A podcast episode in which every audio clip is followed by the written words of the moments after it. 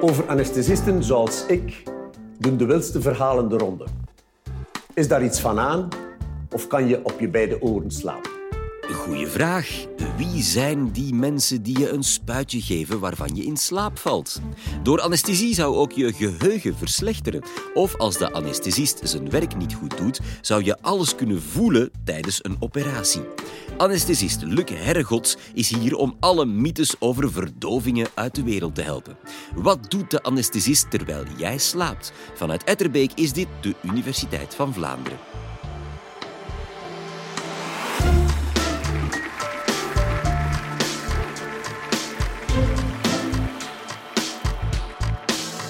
Wanneer u moet geopereerd worden of wanneer u heelkunde moet ondergaan, zal u onder narcose worden gebracht. Maar wat doet de anesthesist om u te doen slapen? Wat doet de anesthesist terwijl u slaapt? En nog belangrijker, hoe maakt, u, hoe maakt hij u wakker? En wat is eigenlijk anesthesie? Want de meeste mensen hebben daar toch zo'n beetje schrik van. De anesthesie kan gemakkelijk omschreven worden als een interactie tussen medicament en lichaam die de patiënt in een situatie brengt van niet-bewustzijn. Die situatie van niet-bewustzijn kunnen we gaan bekijken in de triade van de anesthesie.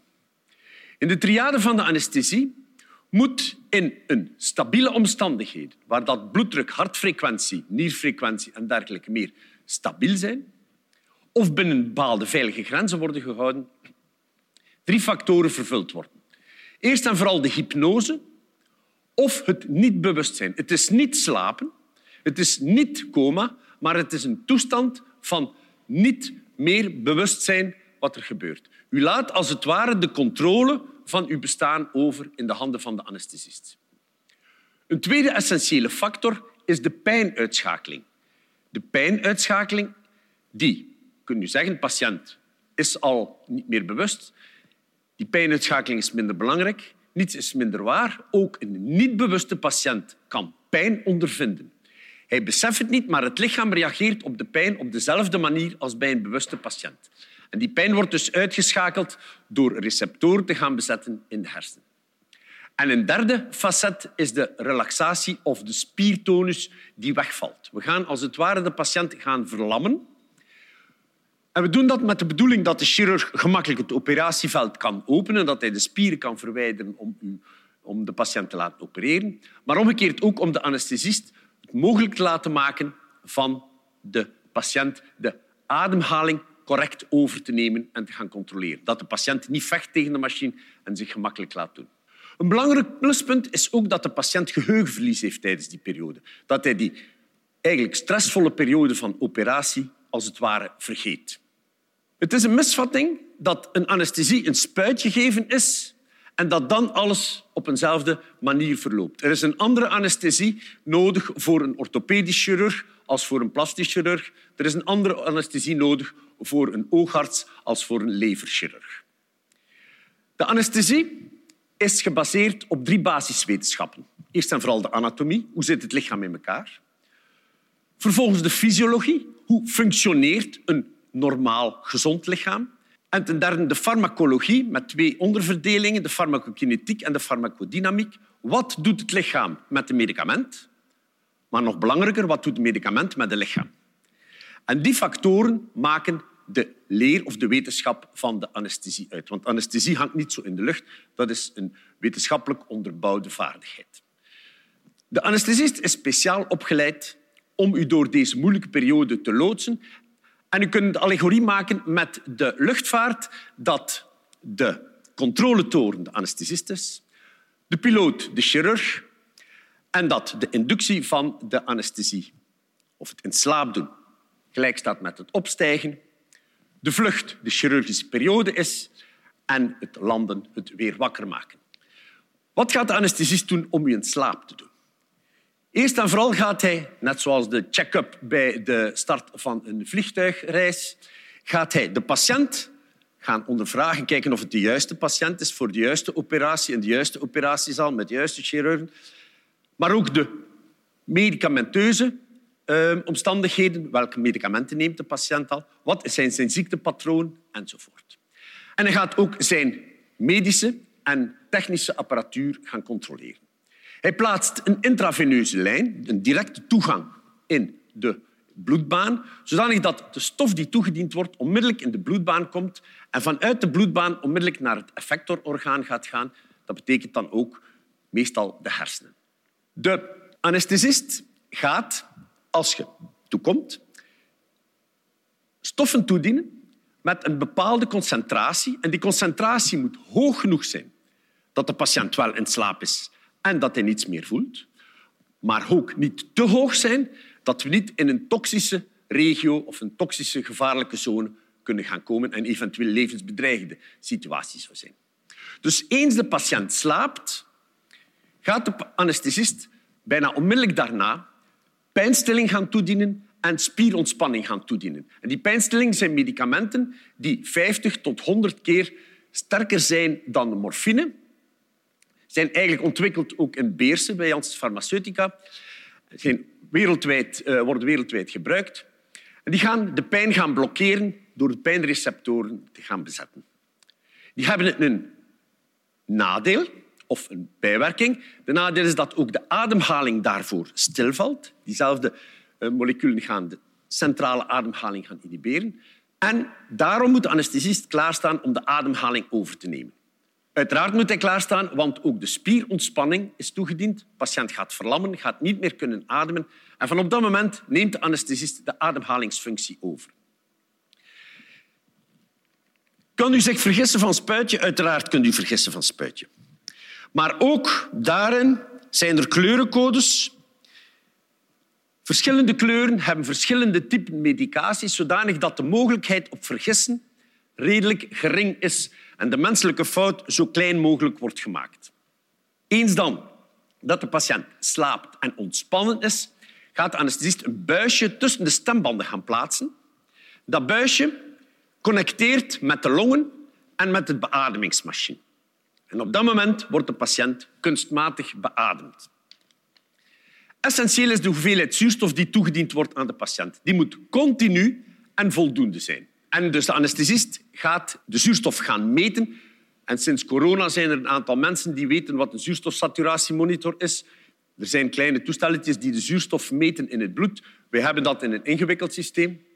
Ten tweede gaat hij ook de beademing volledig gaan overnemen. Hij gaat de samenstelling van de gassen die gegeven worden, de hoeveelheid gas, de hoeveelheid keer dat een ademteug wordt gegeven. Hij gaat alles onder controle houden, hij gaat alles ook instellen en hij gaat ook alles monitoren. En op elk van die parameters staat er ook een alarm. Dus moest de tube van het toestel deconnecteren, komt er een alarm dat de drukken in de longen te laag zijn, weet de anesthesist dat er een probleem is. Idem dito als de drukken in de longen te hoog gaan. Eens die fase voorbij is, is de inductiefase gedaan en kan de chirurg gaan beginnen. De chirurg kan beginnen met opereren en dan moeten we uiteraard de patiënt in slaap houden. Dit kunnen we doen door een aantal producten te gaan toedienen. Eerst en vooral de anesthesiegassen. De anesthesiegassen zijn krachtige inhalatieproducten die via de longen aan de patiënt worden aangediend en hebben een dubbel effect. De patiënt slaapt ervan, hypnose, en heeft pijnstilling. En dus die twee facetten spelen al als er tijdens de narcose in onderhoud gassen worden gegeven. Of de anesthesist kan kiezen voor een intraveneuze techniek, voor stoffen die in de bloedvaten worden ingespoten. Weer met hetzelfde principe. Voldoende dat de patiënt niet wakker wordt en niet te hoog dat we niet in de giftige zone gaan zitten. Hij kan dat doen door op verschillende tijdstippen verschillende bolussen te gaan geven. Of hij kan dat doen in een continu op een continue wijze in heel kleine hoeveelheid volume en concentratie aan te bieden aan de patiënt. Naast het geven van medicatie gaat de gekende baksters toegediend worden. De anesthesist kan vloeistoffen toedienen aan de patiënt. En waarom moet hij vloeistoffen toedienen? Veelal hebben de patiënten al een periode van vasten achter de rug. Ze mogen niet drinken of eten voor de operatie. Er is al dorst, de patiënt is een klein beetje uitgedroogd. Ten tweede hebben een aantal van die producten die we gebruiken een vaatverwijdend en bloeddrukverlagend effect, zodanig dat we daar de bloeddruk mee opkrikken. Maar ten derde ook, als er eventueel bloedverlies is, moet dat volumebloed opgevangen worden en kan dat gebeuren door het toedienen van Baxter. Tijdens de ganse fase worden alle controles uitgeoefend. Maar naast hetgeen die ik al gezegd heb, de bloeddruk wordt continu gemonitord, de hartfrequentie wordt gemonitord, de ademhaling hebben we onder controle, de spiertonus wordt gecontroleerd. In complexere omstandigheden wordt ook de blaas, wordt er een blaaszonde geplaatst en wordt de urineproductie ehm, gemeten. We controleren hoeveel bloed er ehm, verloren gaat. We gaan dus eigenlijk proberen van de levensprocessen en het metabolisme allemaal binnen veilige range te houden. Daarvoor hebben we uiteraard circulerend volume nodig, dat bloed nodig. En als er te veel bloed verloren gaat, als er te veel zuurstoftransporterend vermogen verloren gaat, moeten we rode bloedcellen gaan toedienen. Zijn er problemen met de stolling, dan moeten we plasma gaan toedienen of dan moeten we eh, bloedplaatjes gaan toedienen. En we kunnen ook gaan controleren hoe dat het met het metabolisme is, met een aantal labotesten.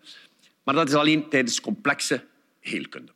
Het is u misschien opgevallen dat wij geen bewustzijns- of anesthesiemonitor hebben. Om de eenvoudige reden dat er hier ook geen monitor is die uw bewustzijn kan meten. Er zijn hier mensen die zeer gefocust zitten en er zijn anderen die een beetje minder zitten. Maar iedereen is bewust. Net zoals dat bij bewuste mensen de hoeveelheid of getalmatig uitdrukken van bewustzijn onmogelijk is, is dat ook bij anesthesie onmogelijk. Wel zijn er een aantal afgeleide parameters die ons kunnen zeggen wat effect de hersenen ondervinden van de anesthesie. Eerst en vooral kunnen we de elektrische activiteit van de hersenen gaan meten, het EEG, maar dat is zo'n danig complex en gevoelig systeem dat daarvoor bepaalde monitors zijn. En die bepaalde monitors gaan dan een algoritme gaan geven en dat algoritme gaat dan één getal uitdrukken die bepaalt zo diep of zo intens slaapt de patiënt. Anderzijds zijn er ook uh, parameters die het zuurstofverbruik van de hersenen kunnen aangeven, maar dat gaat meer over zuurstofverbruik en niet over diepte van anesthesie. En eens dat we dan in, die fase allemaal onder controle hebben, zal de chirurg op een bepaald moment zeggen ja, het is gedaan, de stress is over, de, patiënt moet nog, uh, de operatie moet nog beëindigd worden, gaat de anesthesist zijn voorbereidingen nemen om de operatie te beëindigen, de piloot om het vliegtuig te laten landen. In die fase gaat de anesthesist al de postoperatieve pijnstilling gaan starten. De postoperatieve pijnstilling die, waar je effect gaat gaan hebben als je wakker wordt. Hij gaat ook de anesthesie gaan beëindigen, ofwel door het minder toedienen of stoppen van toedienen van uh, de anesthesiegassen, ofwel met het niet meer toedienen van de bepaalde stoffen die continu of intermittent worden gegeven, ofwel, zoals voor de uh, stoffen die de verlamming geven, door antidoten te gaan toedienen. Antidoten zijn tegengif, zodanig dat de werking van het actieve product wordt tegengewerkt. Elk van die producten heeft een levensduur, heeft een activiteitstijd. En die periode hebben we nodig om de patiënt wakker te maken. En tijdens het wakker worden gaat uw bewustzijn, maar vooral uw coördinatie van metabolisme en uh, in het leven zijn terugkeren. U gaat weer herpakken van ademen. De verlamming gaat verminderen. De stimulans om te gaan ademen zal weer sterker worden. En eens dat die goed gecoördineerd is, wordt u geëxtubeerd. En als de patiënt adequaat kan antwoorden op gestelde vragen, ook al is dat nog een beetje suf, zal de patiënt dan doorgevoerd worden naar de ontwaakzaal of de verkoeverkamer. Dus wat doet de anesthesist terwijl u slaapt? Hij gaat medicatie toedienen, gassen of intraveneus. Hij houdt u in de gaten. Hij geeft vloeistoffen. Wat hij, wat hij geeft, controleert hij. En wat hij controleert, past hij aan aan de omstandigheden van de chirurgie. En wat dat betekent dat u eigenlijk vertrouwen mag hebben in het systeem. Ook al weet u het niet, er wordt goed voor u gezorgd. We bedanken natuurlijk ook nog graag onze andere partners: KNAK, VRT, de vijf universiteiten en de Jonge Academie. Zonder hen geen Universiteit van Vlaanderen. Heel graag tot een volgende keer.